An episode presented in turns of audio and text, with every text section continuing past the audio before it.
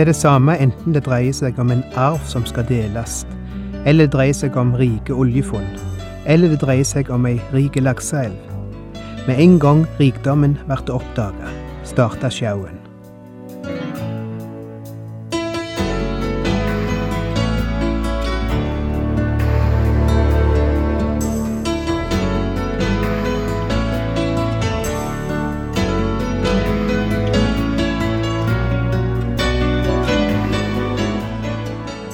Hjertelig velkommen til et nytt program i serien Vindu mot livet. Vindu mot livet er basert på programserien Insight for Living ved Chuck Svindal. Programmet er produsert av Kristen Riksradio og blir ledet av Ola Bjoland.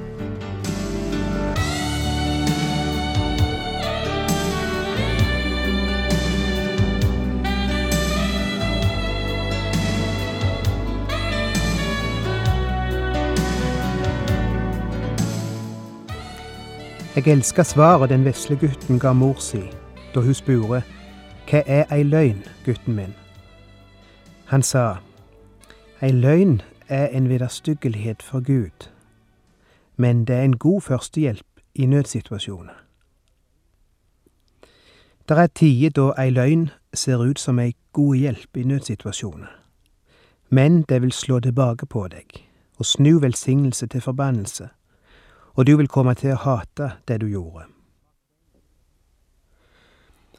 Mark Twain pleide å si forskjellen på en person som forteller sannheten, og en som forteller en løgn, er at løgneren må ha en god hukommelse. Du må alltid huske din forrige løgn, fordi din løgn må stemme med den forrige. Hvis ikke blir du avslørt. Men hvis du forteller sannheten, kan du slappe av, fordi du ikke trenger å tenke på at det du sier, må stemme med det du sa. Men du må ha en god hukommelse hvis du skal lyve. Vi holder på med Abraham, og sist gang så vi hvordan Abraham laug om kona si overfor farao, og sa at hun var hans søster, for å unngå trøbbel, trodde han.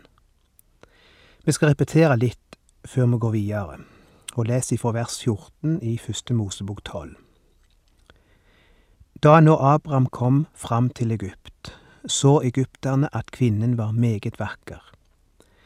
Og da faraos stormenn fikk se henne, roste de henne for ham. Så ble hun hentet til faraos hus, og farao gjorde vel imot Abraham for hennes skyld.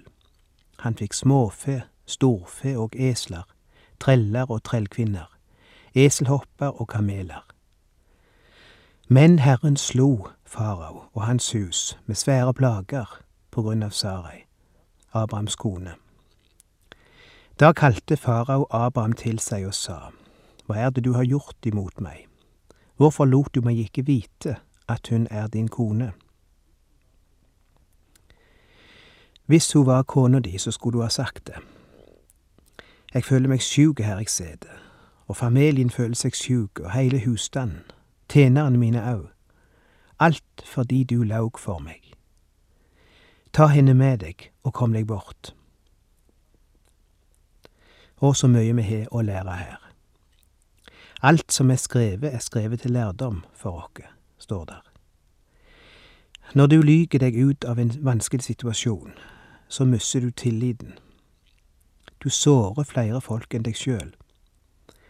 Og det kjem ei tid da du må spise dine egne ord, bite i deg det du sa.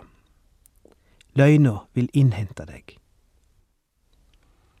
Så leser vi fra vers 20. Farao gav noen menn befaling om å følge ham på veien med Sarai og alt det han eide. Jeg har en følelse av at Abraham ikke la igjen noen evangelisk traktat da han drog. Jeg har en følelse av at han ikke hadde noe særlig grunnlag for å avlegge noe vitnesbyrd om Gud der han sto framfor farao nå. Kom deg ut, mann, jeg vil ikke høre noe om deg eller din Gud, er det som farao sier. Det er rart hvordan halvsannheter vil bringe til taushet vårt vitnesbyrd om Jesus. Vel, nok av tilbakeblikk. Gud velsigne Abraham på en vidunderlig måte på tross av det som var hendt. Til tross for hans lapsus i Egypt, og til tross for hans løgn angående kona si, så velsigna Gud mannen på en fantastisk måte og ga han stor framgang. Og der ligger Abrahams nye prøve. Det var prøven ved å ha framgang og medgang, og det kan òg være en tøff prøve. Er i kapittel 13, vers 1-2. Så drog Abraham fra Egypt opp til Negev sammen med sin kone og med alt han eide. Lot var også med ham. Abraham var nå meget rik, både på fe og på sølv og gull. I plassen for å verte løslatt på prøve eller få betinga dom, så leste Gud over han med sin velsignelse. Jeg har en følelse av at Abraham gjorde opp med Gud. Jeg har en følelse av at han kom tilbake til alteret han hadde bygd, og der bekjente sin synd.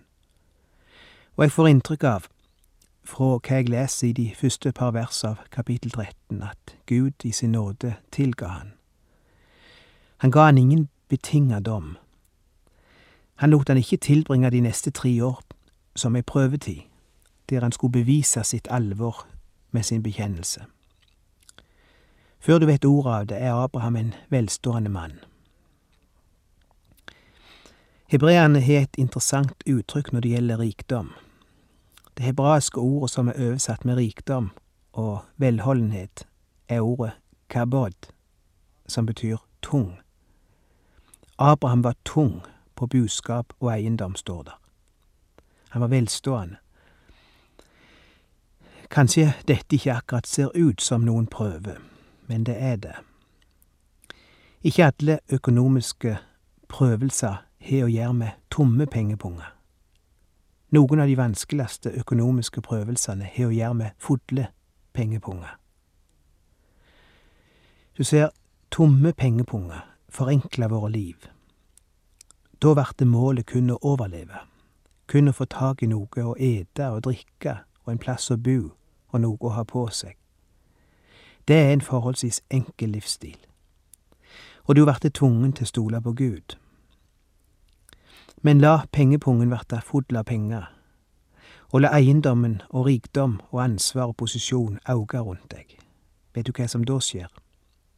Livet vert ikke så enkelt lenger. Livet vert komplisert. Det er prøven ved å ha framgang. Og du trenger stor visdom for å vite hvordan du skal håndtere den slags velstand. Jeg vet du nå sitter og tenker, jeg skal gjerne påta meg den prøven. Vel, kanskje du vil klare prøven, men de som er velstående og fremdeles vandrer med Gud, og det er mange av de, de kan fortelle at det er en vanskelig vei å gå. Du må stadig ta avgjørelser som kan bli misforstått. Du må stadig ha å gjøre med mennesker som ikke vil forstå deg, når penger er inne i bildet. En skotsk forfatter har sagt motganger er vanskelig for mennesket, men for hver som kan mestre medgang, er det tusen som kan mestre motgang. Hvis du er blitt velsigna med framgang, da skal du være på vakt, for det er ikke noen lett situasjon. Fra Negev drog Abraham stadig videre til Betel, til det sted hvor han før hadde hatt sitt telt mellom Betel og Ai. På det stedet hadde han forrige gang bygd et alter, og der påkalte han Herrens navn. Lot, som var sammen med Abraham, hadde også småfe og storfe og telt. Vi leser ingenting om at, eller om et Betel eller alter når det gjelder Lot. Vi hører ikke noe om at Lot kommuniserte med Gud slik hans onkel gjorde. Nevøen Lot er ikke den samme som Abraham. Også han hadde buskap og geiter og telt og rikdom. Vet du hvorfor han hadde det, forresten? Fordi hans onkel hadde det. Og siden han gikk i sammen med onkelen, er jeg sikker på at onkelen delte med han. og det voks og voks, inntil landet flaud over av Lots og Abrahams buskap. Vers seks. Men landet kunne ikke fø dem når de bodde på samme sted. De hadde så mye fe at de ikke kunne bo sammen. Og kan det gisse, de av dere som har dere egen bedrift, som har ditt eget verksted, som er bedriftsledere, fabrikkeiere, kan de gisse hva som er neste setning. Det oppsto en krangel, står der. Det har vært alltid en krangel i slike situasjoner. Det har vært alltid en krangel når det er for mye av noe. Vers 7. Så ble det trette mellom dem som gjette fe fra Abraham, og dem som gjette fe for Lot. Det er det samme enten det dreier seg om en arv som skal deles, eller det dreier seg om rike oljefunn, eller dreier seg om ei rik lakseelv. Med en gang rikdommen vart oppdaga, starta sjauen. Siden jeg sjøl er en lidenskapelig laksefisker, har jeg litt moro av å høre om de evige stridighetene som er foregått mellom grunneierne, om lakseretter og grenser og alt det der. Du kan være sikker på én ting, er der ei rik lakseelv, så er det strid om rettigheter mellom naboer som går så langt tilbake som en kan huske. Der det er rikdom, der er det strid. Det slår aldri feil. Hva gjør en da? Nå vert det der tatt en avgjørelse som får store konsekvenser. Abraham viser seg som en svært uselvisk og klok mann. Vers åtte. Abraham sier til Lot, Hør her, kamerat, jeg kom her første. Nei, han sier ikke det. Han sier, Kjære, la det ikke være trette mellom meg og deg, og mellom mine gjeter og dine. Vi er jo frender. Ligger, ligger ikke hele landet åpent foran deg? Det er dette vi kaller et kompromiss. Her er et eksempel på et rett kompromiss. Krangel blir aldri løst uten en eller annen form for kompromiss. En må være villig til å gi litt for at det skal bli et kompromiss. Og Abraham styrer forhandlingene. Han sier, ligger ikke hele landet åpent for deg? Jeg kan sjå for meg Abraham, hvordan han formelig svinger hånda utover landskapet. Sjå, Lott, sjå all plassen der er her. Der er plenty av jord bortover der. Vers 9 Skill heller lag med meg. Tar du til venstre, skal jeg dra til høyre, og tar du til høyre, skal jeg dra til venstre. Jeg er imponert over dette tilbudet. Abraham er den klart eldste av de to. Han er lederen av de to, og viktigst av alt, Abraham er sjølve kilden til velstand. Han kunne ha knipsa Lot vekk og sagt, Nå er det nok, kamerat, nå skal du jobbe for meg. Men han gjør ikke det. I sin sjenerøsitet åpner han hendene og sier, Alt jeg har, hører Herren til. Og her er nok til begge. Du velger først. Du leser ikke en gang at Lot ber. Du leser ikke en gang at han søker råd sjå Gud, eller sjå Abraham, eller sjå noen andre. Hva gjør han? Vers 10. Lot så utover landet og la merke til at hele Jordansletten, like ned til Soar, var svært rik på vann, liksom Herrens hage, som Egyptalandet. Dette var før Herren hadde lagt Sodoma og Gomorra øde. Så valgte Lot seg hele Jordansletten og drog østover. Slik skiltes de fra hverandre. Dette er et veiskille i Lots liv.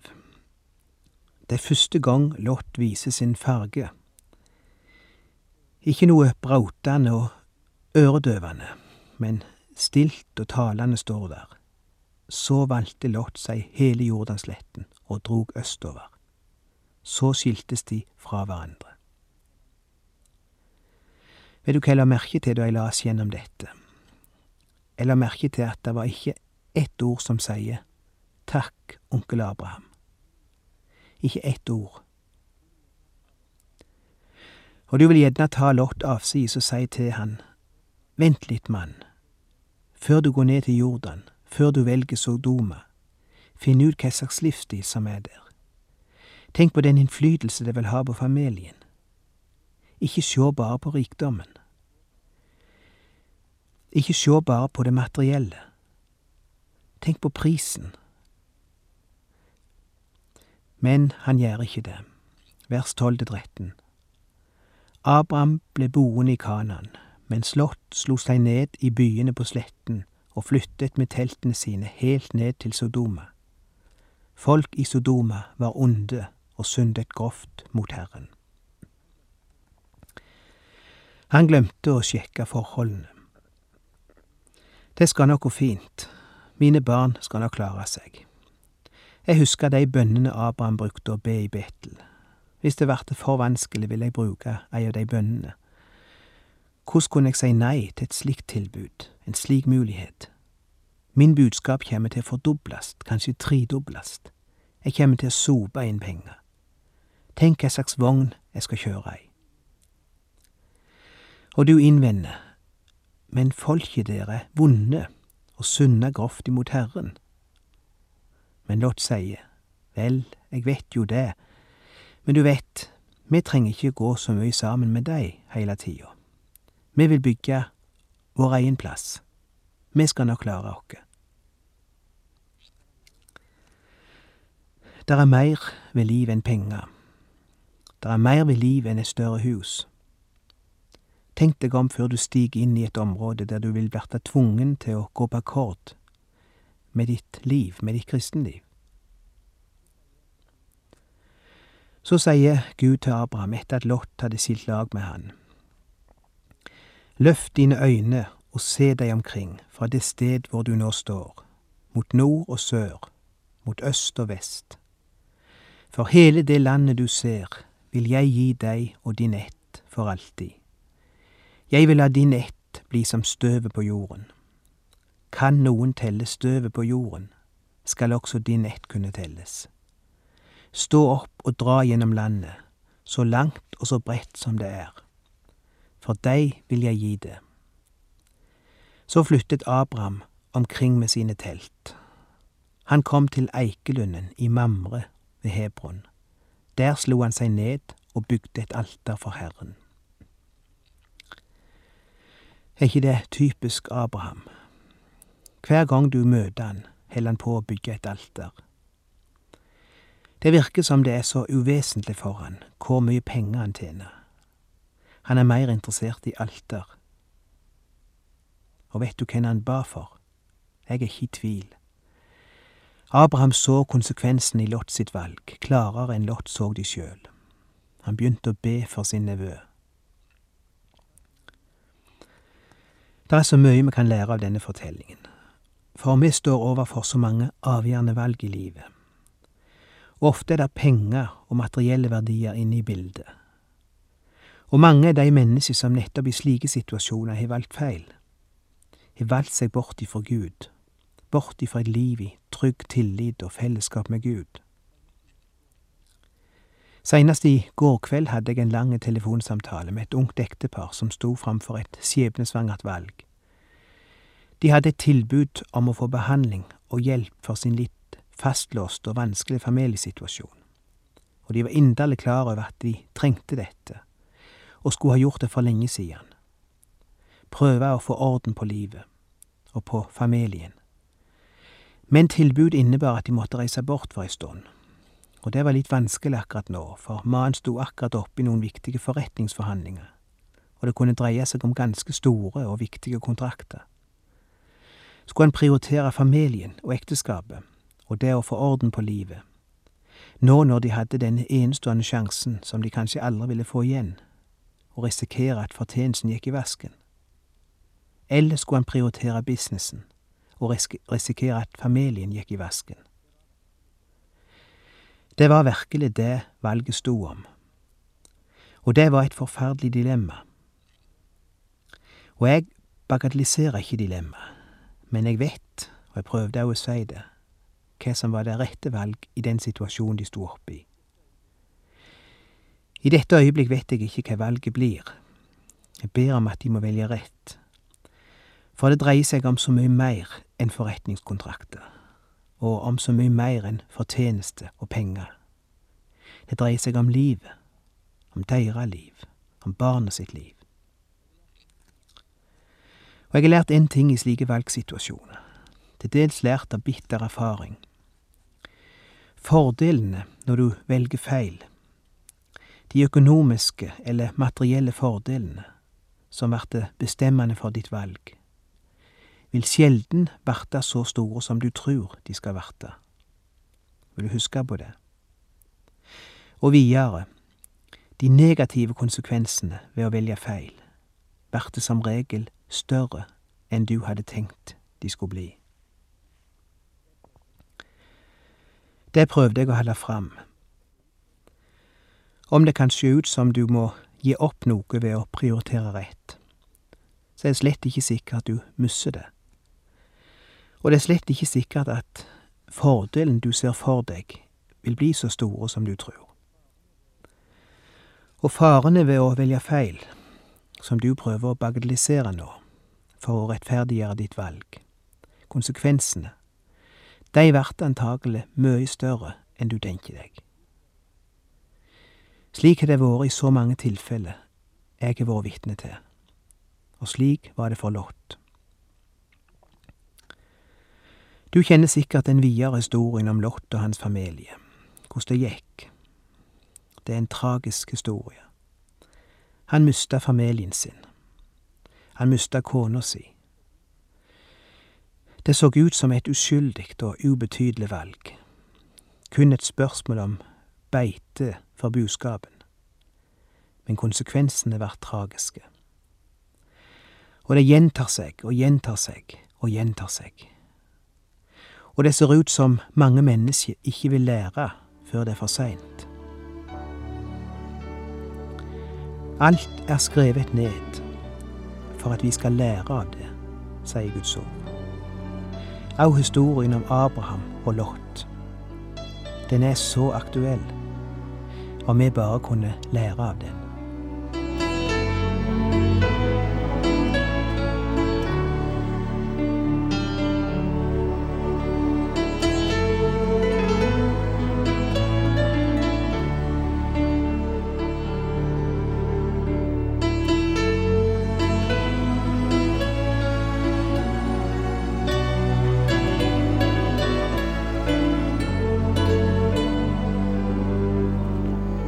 Du har lytta til Ola Bjoland i serien 'Bindu mot livet' fra Kristen Riksradios arkiv.